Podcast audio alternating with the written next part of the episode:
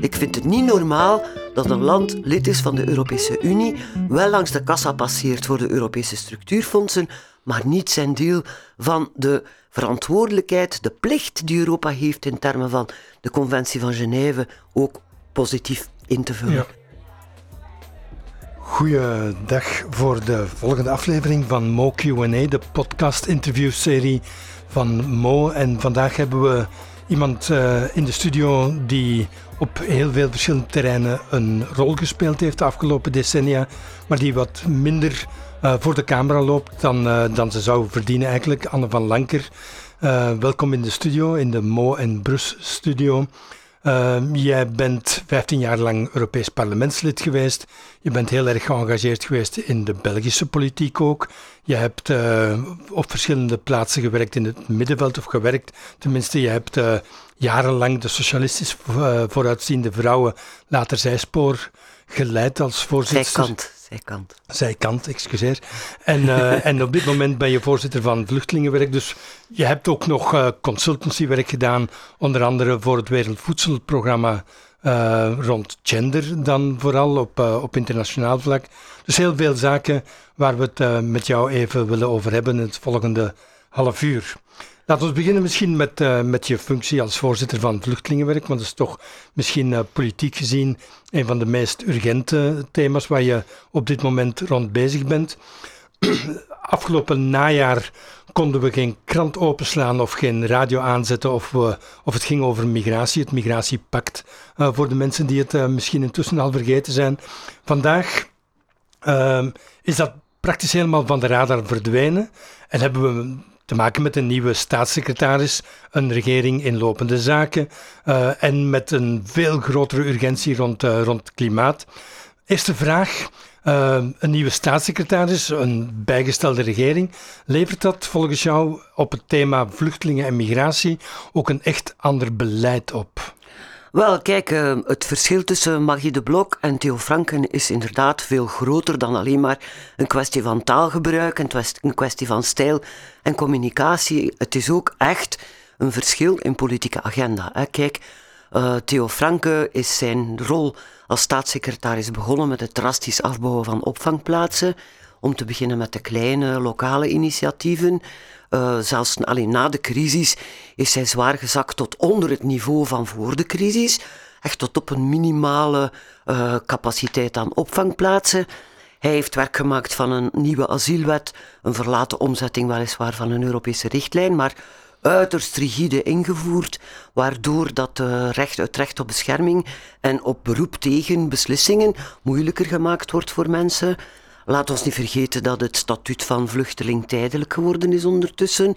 Maar het hoogtepunt van zijn optreden was dan toch wel het moment dat hij beslist had, onder andere onder invloed van die drastische afbouw in opvangplaatsen, van quota in te stellen voor mensen om zich te kunnen registreren bij dienst Vreemdelingenzaken om het statuut achteraf te kunnen bekomen. Mensen op straat dus. Ja. Maar zijn die quota intussen helemaal verleden tijd? Want dat uh, leek eerst meteen te gebeuren toen de blok aantrad en dan toch weer niet. Wel, wij hebben met teams van Vluchtelingenwerk Vlaanderen zeer lang en nog altijd gemonitord in de buurt van een klein kasteeltje. En het is nu toch al een tijdje dat er geen mensen meer op straat moeten verblijven. Dus Magie de Blok heeft inderdaad woord gehouden. Ze heeft onder andere ook op basis van het arrest van de Raad van State, laat ons niet vergeten, hè, we zijn met vluchtelingenwerk en andere organisaties in beroep gegaan, omdat mensen inderdaad het recht hebben om asiel aan te vragen. En de Raad van State heeft ons gelijk gegeven en Magie de Blok heeft tegelijkertijd ook haar hart gevolgd en die quota afgeschaft. Zij is ook werk gaan maken van het openen van opnieuw nieuwe opvangplaatsen. Hè? Want als je mensen registreert, moet je ze onderdak kunnen geven en dus er was bijkomende opvangcapaciteit nodig. Dus er is inderdaad een verschil. Er is ook een zeer groot verschil, vind ik, in taalgebruik. Hè? Dus de woorden uh, illegalen, mensen die profiteren van onze gastvrijheid, misbruik maken van bescherming. Dit soort van woorden horen wij niet meer klinken. Maar er zijn natuurlijk grote maars. Au fond is het beleid aan zich niet echt in orde. Nog niet nu. De asielwet, De verstrengde asielwet blijft nog altijd geldig, maar je maakt geen aanstalten om die te gaan veranderen. Er is ook nog altijd een zeer groot probleem met het creëren, waar België zich toe geëngageerd heeft, van alternatieven waarop mensen op een legale en veilige manier naar ons land kunnen vragen om asiel, eh, kunnen komen om asiel aan te vragen. De zogenaamde hervestiging, waar België zich geëngageerd had om 1100 plaatsen vrij te maken voor mensen die vanuit vluchtelingenkampen gehervestigd worden naar ons land. Mensen dus met een zeer grote uh, met, die eigenlijk de, de, de status verworven hebben, om zo te hm. zeggen. Hè? Echte vluchtelingen. Wel, die, uh, die hervestigingsinspanningen die zijn compleet gestopt op basis van het feit dat er geen plaats was in de opvang. Dus wij hopen nu, nu dat er nieuwe plaatsen komen in de opvang, dat ook die engagementen die België gedaan heeft om op een wettelijke en veilige manier mensen naar hier te laten komen, dat die terug hernemen. Hoe schadelijk is het hele verhaal van de, het misbruik van de humanitaire corridor voor, uh, voor die alternatieve routes voor vluchtelingen, voor asielzoekers om tot in België te komen? Ik, ja, ik denk dat in de publieke opinie die hele loterij die Theo Franke georganiseerd heeft, waar hij God de Vader heeft willen spelen via loesje tussenfiguren, echt geen deugd gedaan heeft in de publieke opinie in heel de discussie over humanitaire visa. Nochtans vind ik dat we niet het kind met het badwater mogen wegsmijten. Humanitaire visa zijn nog altijd, zeker en vast voor ons bij vluchtelingenwerk, een absoluut goede manier om mensen opnieuw op een veilige en wettelijke manier naar hier te krijgen. Maar natuurlijk alleen als je daarvoor de goede procedures volgt. En als je daarvoor instellingen inschakelt, zoals het VN-vluchtelingenagentschap, dat zeer goed de situatie ter plaatse kent. Franke blijft maar zeggen dat zijn enige oplossing was van werken met mensen zoals Melikan. Niks is minder waar natuurlijk. De VN werkte in Syrië, de VN had mensen daar te plaatsen en de VN doet hervestigingsoperaties via humanitaire visa, onder andere voor Duitsland. Dus had het evengoed voor ons land kunnen doen. En wij hopen dat als je de juiste criteria van kwetsbaarheid kunt installeren en als je de juiste procedures in gang zet, in samenwerking met erkende VN-organisaties, dat wij in België ook onze rol zullen kunnen spelen. En is daar op dit moment onder uh, Magie de Blok al beweging in? Wordt daar op een andere manier naar gekeken? Of is het gewoon nog altijd helemaal stilgevallen en wordt er niet meer gepraat over humanitaire visa? Het is in elk geval radiostilte op dit moment. En ik denk ook niet, nu, nu, het kan al zijn dat er in de Lute opnieuw gesproken wordt. Hè. Ik heb geen inkijk in de, in de geheimen van het kabinet van, van Magie de Blok wat dat betreft. Maar wat mij toch ook een beetje in twijfel brengt over het feit of daar zo snel wijziging gaat in komen, is dat ook België zijn engagementen naar relocatie dat is alweer een andere manier. Dat is een manier om de, om de druk van de schouders van de landen aan de buitengrenzen van Europa te verlichten. Hè? Italië, Griekenland, nu ook Spanje, die zeer zwaar af te rekenen hebben met het feit dat zij de eerste toegangspoort zijn, heel vaak, voor vluchtelingen om Europa binnen te komen, maar waar mensen dan ook op afgrijzelijke, in afgrijzelijke kampen geconcentreerd zitten in de meest mensonwaardige toestanden. En ik zal de eerste zijn om Matteo Salvini aan de muur te spijkeren, maar ik begrijp wel de Italiaanse regering als ze zegt dat er een ongelooflijk mankement is aan Europese solidariteit in de spreiding van die vluchtelingen over de andere landen. Nu, wat mij zorgen baart, er zijn onlangs twee operaties geweest waarbij reddingsschepen moesten ontzet worden die een aantal vluchtelingen op zee hadden opgevangen en na weken dobberen dan eindelijk toelating krijgen of om, om of op Malta of op Sicilië aan land te komen. België heeft zich in geen van de, van de gevallen kandidaat gesteld om die enkele tientallen vluchtelingen op te vangen nadat ze ontscheept waren in Catania of in de havens van Malta. Waardoor mijn indruk nog altijd gevoed wordt dat ja, het restrictieve van onze houding ten aanzien van opvang van vluchtelingen toch nog altijd blijft. We kennen de, de verdeeldheid in Europa wat dat betreft tussen Noorden en het Zuiden, die de opvang moeten doen tussen Oost en West, uh, waar uh, de Oostrand nog veel uh, restrictiever reageert dan, dan de westkant.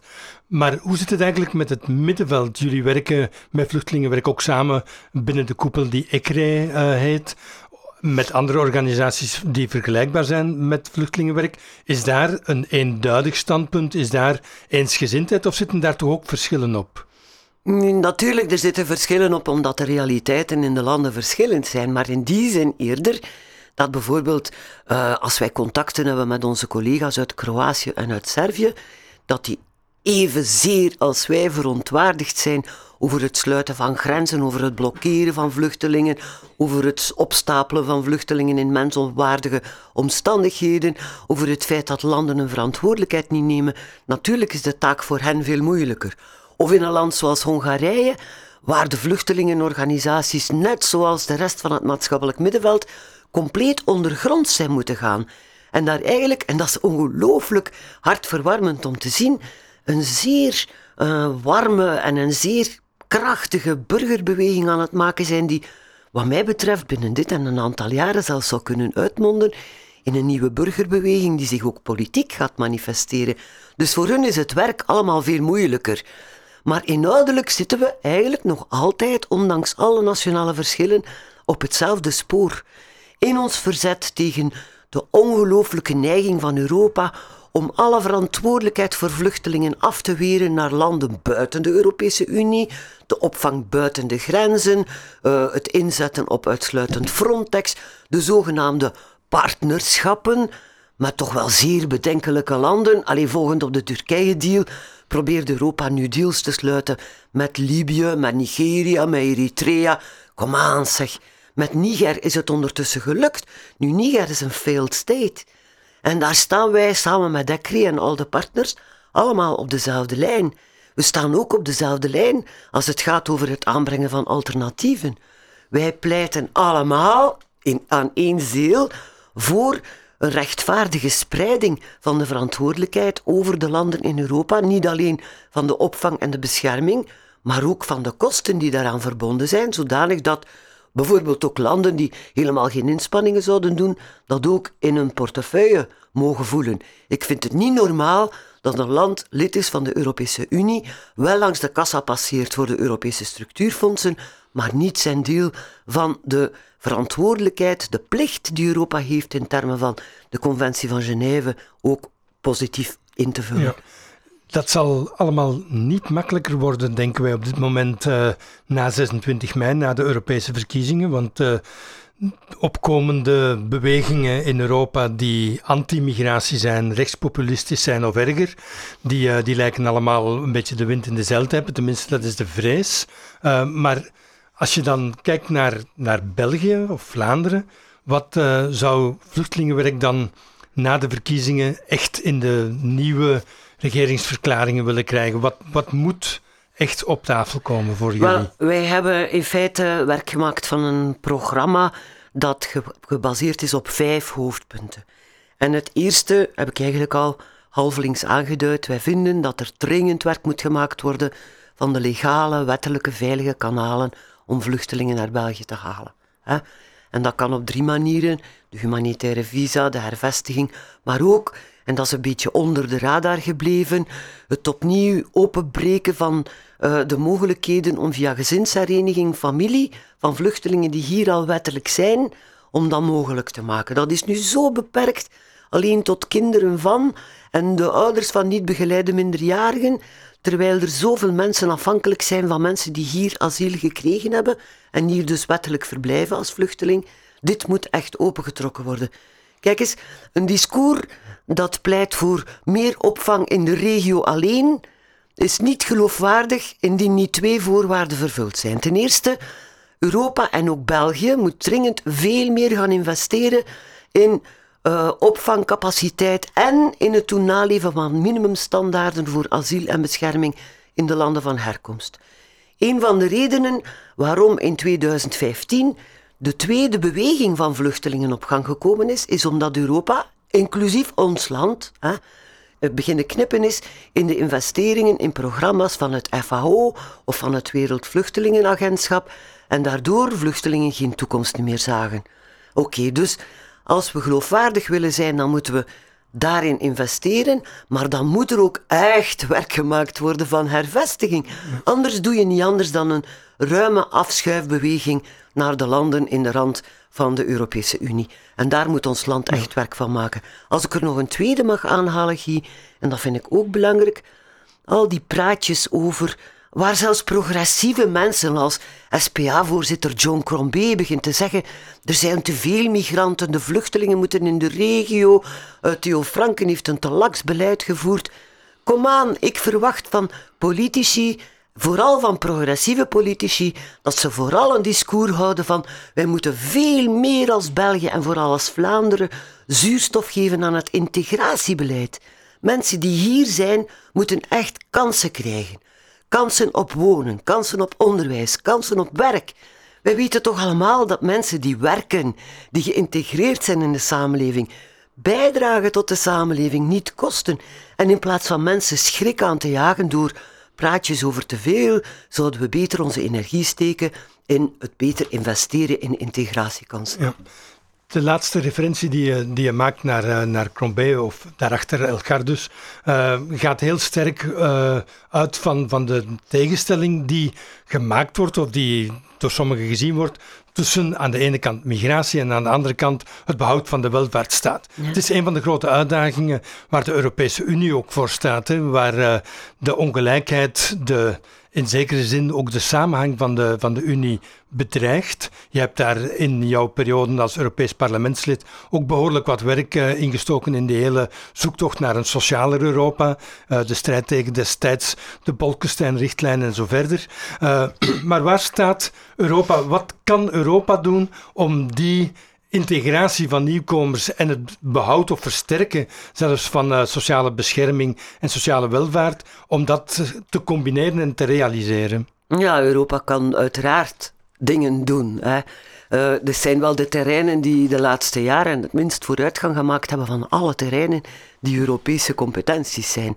Uh, eerst en vooral zou ik zeggen, je gaat dat soort van weerstanden fel zien verminderen, mochten alle landen inderdaad solidair werken aan een spreidingsplan waarbij de vluchtelingen, kom aan zeg, over zoveel duizenden spreken we nu echt niet hoor in Europa. Er is geen vluchtelingencrisis geweest, er is alleen een crisis van het vluchtelingenbeleid geweest in Europa. Kan je dat zelfs volhouden voor 2015? Toen ja, er een nee, 2015 mensen... was inderdaad een, een, een, een piekmoment waarop het echt wel moeilijk was.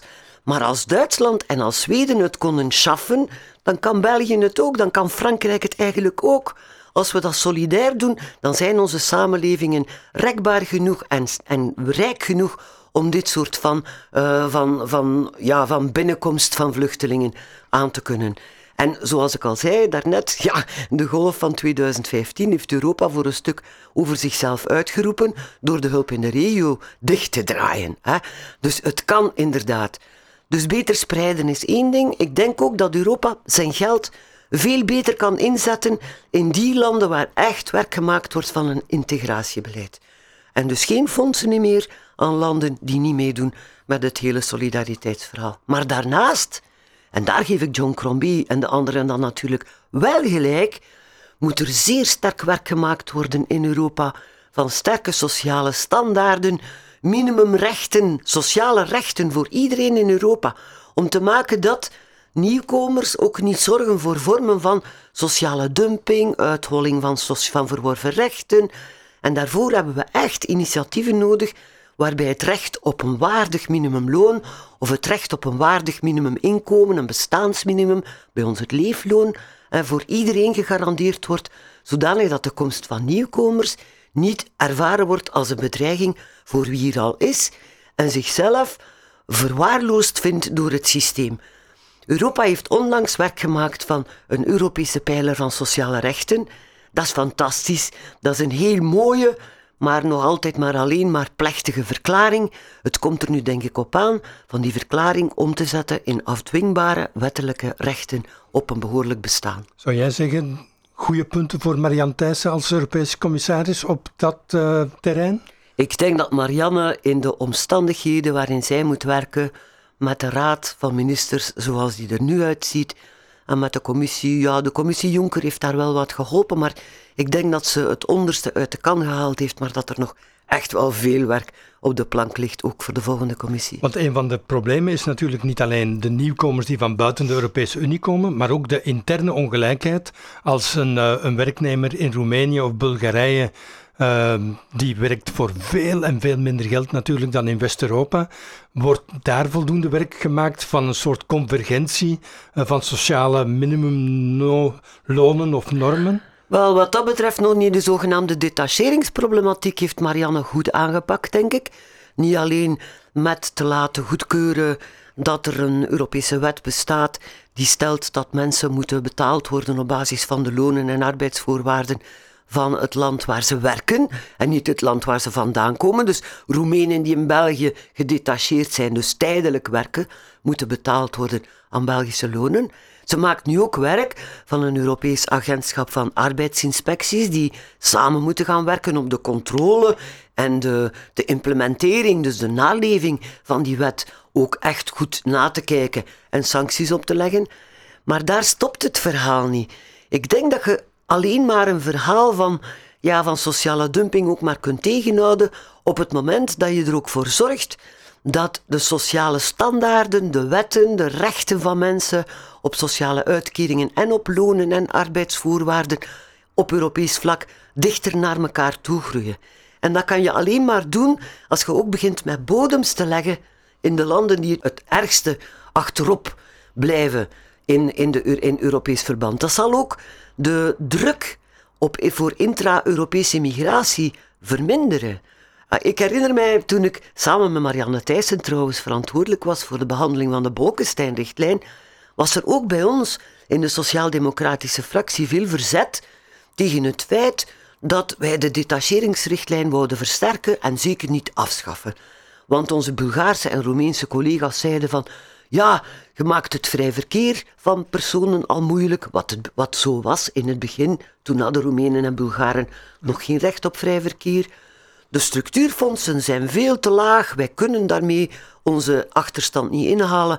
En u gaat ons ook nog eens verbieden om aan onze Roemeense voorwaarden te komen werken hier in, uh, in, in andere landen van Europa. Dat is maar veranderd op het moment dat ze zelf ontdekt hebben dat er in hun grensregio's mensen aan het werk waren aan nog lagere standaarden dan zij zelf. En toen is iedereen tot het besef gekomen, ja, er moeten bodems gelegd worden, er moet een ondergrens zijn, overal. Anders is zelfs het rijkste, meest welvarende, meest welwillende land, denk maar aan Denemarken of aan Zweden, uh, een vogel voor de kat. En ziet je wat er nu gebeurt? Dat alle landen grenzen aan het leggen zijn aan die intra-Europese migratie. Bijvoorbeeld immense verblijfsvoorwaarden aan het opleggen voordat mensen toegang kunnen hebben tot bestaansminimum. Nu, oké, okay, dat is niet anders dan mensen veroordelen tot de bedelstaf. Als je mensen niet eens garanties geeft op een waardig inkomen, dan is de welstand en het sociale Europa wel ver weg. Maar de, de zoektocht naar, naar oplossingen lijkt eerder de andere kant uit te gaan. Je, noemt daarnet uh, Denemarken een welwillend land. Heeft zeker een, een, hele sterke sociale zekerheid en sociale welvaartsstaat. Maar is een van de voorlopers wat betreft het restrictief maken en het zelfs wettelijk discrimineren van, uh, van nieuwkomers, met name vluchtelingen, zelfs erkende vluchtelingen, worden anders behandeld dan, uh, dan gewone Denen. Dus je, je ziet dat de dat Europa eigenlijk naar de rechterkant kantelt, in zekere zin, en het verschil groter maakt in plaats van te zoeken naar meer gelijkheid. Ja, dat is natuurlijk Europa zijn schuld niet. Hè. Dat is een schuld van de Deense regering. En ook in andere Scandinavische landen zijn er stilletjes aan tendensen aan het opkomen waarbij nationalistische stemmen en ja, rechtse stemmen, laat maar zeggen, uh, aan het groeien zijn. Anderzijds zie ik ook een andere beweging aan de andere kant het is voor het eerst bijvoorbeeld dat het Europees Vakverbond zeer sterk en met luide stem de, de eisen van het maatschappelijk middenveld is gaan ondersteunen voor het recht op een behoorlijk levensminimum en ook het recht op een Europees minimumloon. Waar tot voor kort ook vakbonden zeiden, ja maar loonsonderhandelingen dat is een zaak van de verschillende landen. Herinnert u de grote discussies in Duitsland voor daar ooit werk gemaakt is van een minimumloon? Ondertussen is iedereen ervan overtuigd dat dergelijke standaarden er moeten komen. Dus je hebt in Europa ook twee bewegingen die op gang zijn. Nu inderdaad, ik maak mezelf ook zeer grote zorgen over wat de uitkomst gaat zijn van de verkiezingen nu. Hè. Um, ik deel niet de mening van diegenen die nu zeggen dat Europa dezelfde weg opgaat als de Sovjet-Unie en binnen dit en een paar jaar compleet uit elkaar gaat vallen. Dat ik geloof zelfs niet dat de brexit daartoe gaat leiden. Alhoewel, het is wel een bedreiging natuurlijk om te constateren dat vanaf nu landen niet alleen meer staan te dringen om bij de club van de Europese Unie te komen, maar er nu ook voor het eerst uit willen. Dat is voor het eerst in de Europese geschiedenis en niet zonder gevaar. Maar er zijn natuurlijk nog wel grote gevaren, zelfs als Europa niet uit elkaar valt. En dat is inderdaad dat je die nationalistische stemmen voelt groeien. Dat je ook het anti-migratie, het anti-vluchtelingendiscours voelt groeien in verschillende landen waar het tot nog toe afwezig was. Ik denk bijvoorbeeld nu ook aan Spanje, waar Vox een zeer sterke stem gekregen heeft, of aan Oostenrijk, of aan Italië, dat onder Matteo Salvini compleet gedegenereerd is. En nu hoop ik wel dat, net zoals in het verleden, extreem rechts in het nieuwe Europese parlement geen fractie zal kunnen maken. Daarvoor maken ze te veel ruzie onder elkaar. Ze zijn het over zoveel dingen niet eens. Maar wat mij veel meer angst inboezemt, is dat al die anti-migratie, nationalistische stemmen een ingang gaan vinden in andere fracties in het Europees Parlement. Bijvoorbeeld, ik weet niet wat Movimento Cinque Stelle gaat doen. Of wat er, wat er gaat gebeuren met de conservatieven en reformisten in Europa eens de Britten eruit getrokken zijn. Er zitten ik weet niet hoeveel eurosceptici die een nieuwe stal gaan moeten vinden. Ik denk dat het nu wel duidelijk is dat Fidesz van Orbán zijn stal zal blijven vinden bij de Europese Volkspartij. Maar dan is de grote vraag natuurlijk wat zal het gevolg zijn van het toet van het blijven bestaan van Fidesz binnen de EVP-fractie? Gaat dit soort van aanwezigheden geen nefaste invloed hebben op de solidariteitspleidooien die in het Europees Parlement tot nog toe altijd aanwezig waren? Want laat ons duidelijk zijn, hoe sterk ook dat er soevereinistische stromingen waren in de landen van Europa en dus ook in de Raad van Ministers, zo sterk konden wij toch nog altijd bouwen op het Europees Parlement, dat aan het eind van de dag nog altijd in staat was van zeer genereuze en zeer, uh, wat moet ik zeggen, solidaire wetten te stemmen waarbij de mensenrechten nog altijd centraal blijven staan. Waarbij de Conventie van Genève niet even tussen grote vierkante haken gezet wordt. Of uh, waarbij niet zo'n teneur gevoerd wordt van ja, maar als het even spannend wordt of als het te heet wordt, dan kunnen we misschien de mensenrechten tussen haakjes zetten om ons repressief beleid ingang te doen vinden. Zo'n discours heeft tot nog toe in het Europees Parlement nooit een meerderheid gehaald. Ja, maar dreigt dus nu wel wat meer stem te krijgen. Enfin, daarvoor moeten we wachten tot na 26 mei natuurlijk. We hebben het intussen uh, ruim gehad over, eigenlijk over gelijkheid uh, voor voor nieuwkomers, voor vluchtelingen, maar ook binnen de Europese Unie. Vooral dan voor meer kwetsbare werknemers uit het oosten, maar ook elders in, in de Unie. Een ander uh, thema rond gelijkheid dat, uh, dat Anna van Lanker al heel lang bezighoudt, is het genderthema. Waar toch ook wel nogal wat vragen zijn. We weten dat ondanks vele jaren strijd dat gelijk loon voor gelijk werk nog altijd een eind weg is. Maar intussen duikt er vanuit een heel andere hoek uh, kritiek op, op dat feminisme van de derde golf van de jaren 70, laten we zeggen. En die kritiek zegt dat feminisme is eigenlijk een wit feminisme, is een elitair feminisme van hoogopgeleiden, terwijl het veel te weinig uh, aandacht heeft voor de enorme culturele diversiteit en ook wel voor de, voor de kwetsbare vrouwen uit de migratie die in onze samenleving, in onze steden leven. Op welke manier zie jij daar stappen vooruit te zetten? Wat moet er gebeuren om van het feminisme, dat vandaag zo belangrijk is dat zelfs een mannelijke minister daar een boek gaat over schrijven, om daarvan een echt inclusief feminisme te maken? Ja, kijk eens aan. Ik ben eigenlijk nooit geen uh, grote liefhebber geweest van de derde golf feminisme, omdat ik vind dat die veel meer naar individuele vrouwenbeleving en individuele genderbeleving uh, neigden dan de zogenaamde tweede golf van de jaren 60, 70, waar men toch nog altijd op zoek was naar structurele redenen van achterstelling van ongelijkheid tussen mannen en vrouwen. Maar je hebt overschot van gelijk. De samenleving is ongelooflijk veranderd. En naast die sociaal-economische ongelijkheid tussen mannen en vrouwen zijn daar veel lagen bovenop gekomen. Door de groeiende diversiteit in de samenleving, door het verkleuren van de samenleving, door het feit dat er nu ook veel meer aandacht is voor mensen met een migratieachtergrond, culturele identiteiten, maar ook de meervoudigheid van genderidentiteit, die meer is dan puur het feit man of vrouw. En we hebben nu ook X'en en alles wat daartussen ligt. En dat is zeer belangrijk. En het is inderdaad zo dat je dit soort van ongelijkheden in het meervoud in de samenleving niet kunt aanpakken met alleen witte vrouwenstemmen.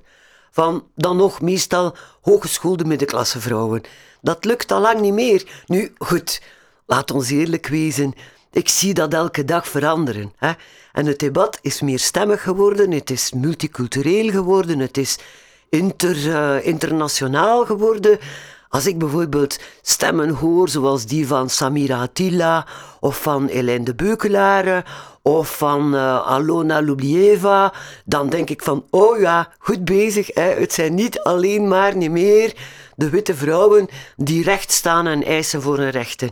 En ik vind ook zeer goed dat er veel mensen zijn die alleen het hoofddoekendebat als een compleet non-debat hebben weggezet.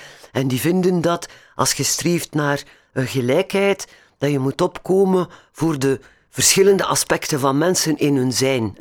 Wat voor mij enorm belangrijk blijft, is dat je daarbij vooral oog hebt naar de meest kwetsbaren onder die vrouwen. Want er zijn met de ongelijkheid sociaal-economisch zijn er nog een pak andere ongelijkheden bijgekomen. Denk maar aan uitingen van racisme, van discriminatie, die uiteraard alles te maken hebben met de verschillende herkomsten van mensen. En dan is het altijd belangrijk om zeer veel oog te hebben voor de onderkant van de samenleving. Bijvoorbeeld vrouwen zonder papieren, of vrouwelijke vluchtelingen, of vrouwen uit de migratie. Uh, vrouwen die gediscrimineerd worden omwille van een migratieafkomst, terwijl die misschien al jaren achter hun ligt en in feite van hun ouders afkomstig is.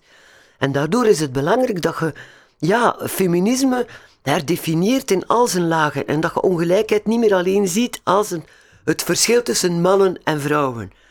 Wat voor mij ook enorm belangrijk is, is niet alleen het belang van het betrekken van al die stemmen in de diversiteit, maar ook het betrekken van mannen in uw gelijkheidsstrijd. Alleen voor mij is het duidelijk dat de loonverschillen tussen mannen en vrouwen, dat je die alleen maar gaat kunnen oplossen als je mannen ook overtuigt dat een rol bij de kinderen en in de familie, in het gezin, belangrijk is. Anders gaat je nooit een, een, een opstap krijgen waarbij dat niet alleen vrouwen de huishoudelijke taken doen, maar ook mannen dit belangrijk vinden. Maar ik denk ook aan andere dingen die ik dan weer mee heb vanuit mijn verleden van het Wereldbevolkingsfonds. Kijk, we zijn met de toenemende diversiteit en ook de migratie, die in België een feit is sinds jaren, hebben we ondertussen ook een aantal nieuwe, laat het mij maar zeggen, problemen ingevoerd, die echt zware problemen zijn. Ik denk dan aan vrouwelijke genitale verminking bijvoorbeeld. 17.000 vrouwen en meisjes die al in België wonen, zijn daar slachtoffer van. En men, men schat dat zo ongeveer een kwart van de vrouwen die afkomstig zijn uit die regio in Afrika nog gevaar loopt. Of ik denk bijvoorbeeld aan kindhuwelijken, wat een mega probleem was in Centraal-Azië, waar ik toen met het Wereldbevolkingsfonds actief was, maar dat door vluchtelingen ook in België een realiteit wordt. We gaan ook daar als feministes en als beleid een oplossing moeten voor zoeken. En het is zeer duidelijk dat je daarvoor wetten moet hebben. Maar dat hebben we. Kindhuwelijken zijn bij ons, net zoals trouwens in Centraal-Azië, verboden. Vrouwelijke genitale mutilatie is verboden. Maar toch gebeurt het nog. En dat betekent dat er echt moet gewerkt worden. Gewerkt met de gemeenschappen, gewerkt ook zoals wij deden destijds in Centraal-Azië, met ook uh, de leiders van, van die gemeenschappen en ook van kerken en religieuze uh, gemeenschappen daar. Maar tegelijkertijd ook met de gemeenschappen die hier leven. En dat betekent ook met de mannen van die gemeenschappen. Ik weet zeer goed dat in landen waar ik toen gewerkt heb, het ongelooflijk sterk uitkwam als ook mannen recht stonden om te zeggen: wij nemen dit niet langer. Wij vinden dat vrouwen onrecht aangedaan wordt als ze als jong meisje uitgehuwd worden of als ze genitaal verminkt worden. Ik vind het ook bijzonder sterk als Alexander de Croo een boekje, een boekje schrijft over de rol van mannen in het nieuwe feminisme. Dat was trouwens een van de grote revelaties op de Wereldvrouwenconferentie in Peking destijds, zeer lang geleden. De Zweden waren de eersten om daartoe te komen met een boekje over wat de rol van de mannen is in het, in het, in het, eh, in het bereiken van gelijkheid tussen mannen en vrouwen in de samenleving. Men Engage is een zeer sterke, powervolle beweging waarbij dat ook mannen opstaan in verschillende landen van de wereld om een rol op te eisen in de strijd van de feministen voor meer gelijkheid. Dat leidt dikwijls tot, uh, tot een, een, debat in, in de samenleving tussen enerzijds mensen die zeggen we hebben die stappen gezet in het verleden uh, en voor gelijkheid gevochten en we hebben dat bereikt. We mogen daar op geen enkele manier van afwijken. En anderen die zeggen nee, je moet eigenlijk in zekere zin een stap terugzetten, zodanig dat je met de nieuwkomers, met de, degenen die, op, die voor nieuwe uitdagingen zorgen, dat je die kan meenemen. Want als je niet naar hen toestapt, in zekere zin, dan bereik je niet en dan wordt alleen maar de kloof groter en bereik je nog minder dan wanneer dat je alles vasthoudt. Op welke manier uh, sta jij daar tegenover? Nou, je moet natuurlijk naar die gemeenschappen toestappen en bijvoorbeeld een organisatie zoals GAMS in België doet daar fantastisch werk. Op kindhuwelijken heb ik nog niet zo duidelijk een organisatie gezien, maar dat is ook een relatief nieuw fenomeen bij ons. Maar het feit dat je naar die gemeenschappen stapt, betekent niet dat je je standaarden moet lossen. He, wij hebben wetten die zeggen dat je respect moet hebben voor de bodily integrity van vrouwen, voor de vrouwelijke, uh, voor de, ja, de integriteit van, van het vrouwenlichaam. Je moet respect voor mensenrechten afdwingen. Je moet die wetten hoog houden. Maar je moet natuurlijk ook snappen dat er op, die, op dat moment andere mogelijkheden moeten opengebroken worden om outreachend te kunnen werken naar de gemeenschappen die je op dit moment nog niet aan boord hebt. Daarin bestaat de vernieuwing, niet in het verlagen van je standaarden. Om af te sluiten, Anne van Lanker, ehm, heb jij een, uh, een, een, rolmodel of, een, of een, iemand, een auteur waarvan je zegt, uh, luisteraars, lezers zouden echt die vrouw of, die, uh, die auteur moeten lezen? Oh, ik heb er verschillende hoor. Ik ben nogal een old school feministe, zo te zeggen. En eigenlijk, al mijn grote rolmodellen zijn vrouwen zoals Alison de Forge, die voor Human Rights Watch lang in Afrika gewerkt heeft, zeer veel naam gemaakt heeft in de genocide in Rwanda. Ik ben ongelooflijke fan van vrouwen, like Chris van de, van de Wijngaarden, die het Joegoslavië-tribunaal, maar ook het internationaal strafhof, een ongelooflijke stempel gezet heeft. Maar als ik dan voor jonge vrouwen een rolmodel mag aanreiken die mij ongelooflijk van mijn sokkel blaast, dan is het toch Alexandria Ocasio-Cortez. Ongelooflijke vrouw, 29 jaar, verkozen voor de Democraten. Geen schrik om titula's, titels in haar mond te nemen, zeggende van ik ben een Democratic Socialist for America. Dus het woord socialist, wat een ongelooflijk Ah, buzzword, nou, vloek, vloek is in Amerika, die schitterende campagne geleverd heeft met het team van Bernie, um, Sanders. Bernie Sanders. Ja, juist. Deur-aan-deur acties die bij ons in de Belgische politiek stilletjes aan gemeengoed worden, maar in Amerika dat helemaal niet meer waren, zich ongelooflijk verzet tegen de greep van de big business op de politiek Waar ze trouwens zelf eigenhandig heeft moeten afrekenen doordat haar medeste, al haar concurrent in de primaries, hè, iemand was die voor 95% gesponsord werd door Big Business. En toch heeft zij het gehaald door haar franc-parler, door haar ongelooflijk geëngageerd discours als activiste, als sociaal werker, haar zeer grote geloofwaardigheid ook met haar Puerto Ricaanse roots en haar programma op dit moment in de Congress dat er echt mag zijn tegen de wapenlobby, voor Medicare, voor iedereen toegankelijk, voor gratis onderwijs. En die bovendien dan al als jong verkozen vrouw wil dat plaatsen voor gekleurde vrouwen zoals zij niet alleen voorbehouden is voor enkelingen, maar breed uitgesmeerd wordt en daardoor al een beweging op gang getrokken heeft om ook andere vrouwen te empoweren in de Amerikaanse politiek. Ik zou zo zeggen, volg die vrouw en laat ons samen hopen dat die ooit een kans maakt om de eerste vrouwelijke president van Amerika te worden. Dankjewel. Wij volgen Alicia Cortes en wij blijven ook uh, volgen wat dat Anne van Lanken doet, want uh, zoals we gehoord hebben tijdens dit gesprek, daar is heel veel uit te leren. Anne, heel erg bedankt voor dit gesprek. Dank je voor de uitnodiging.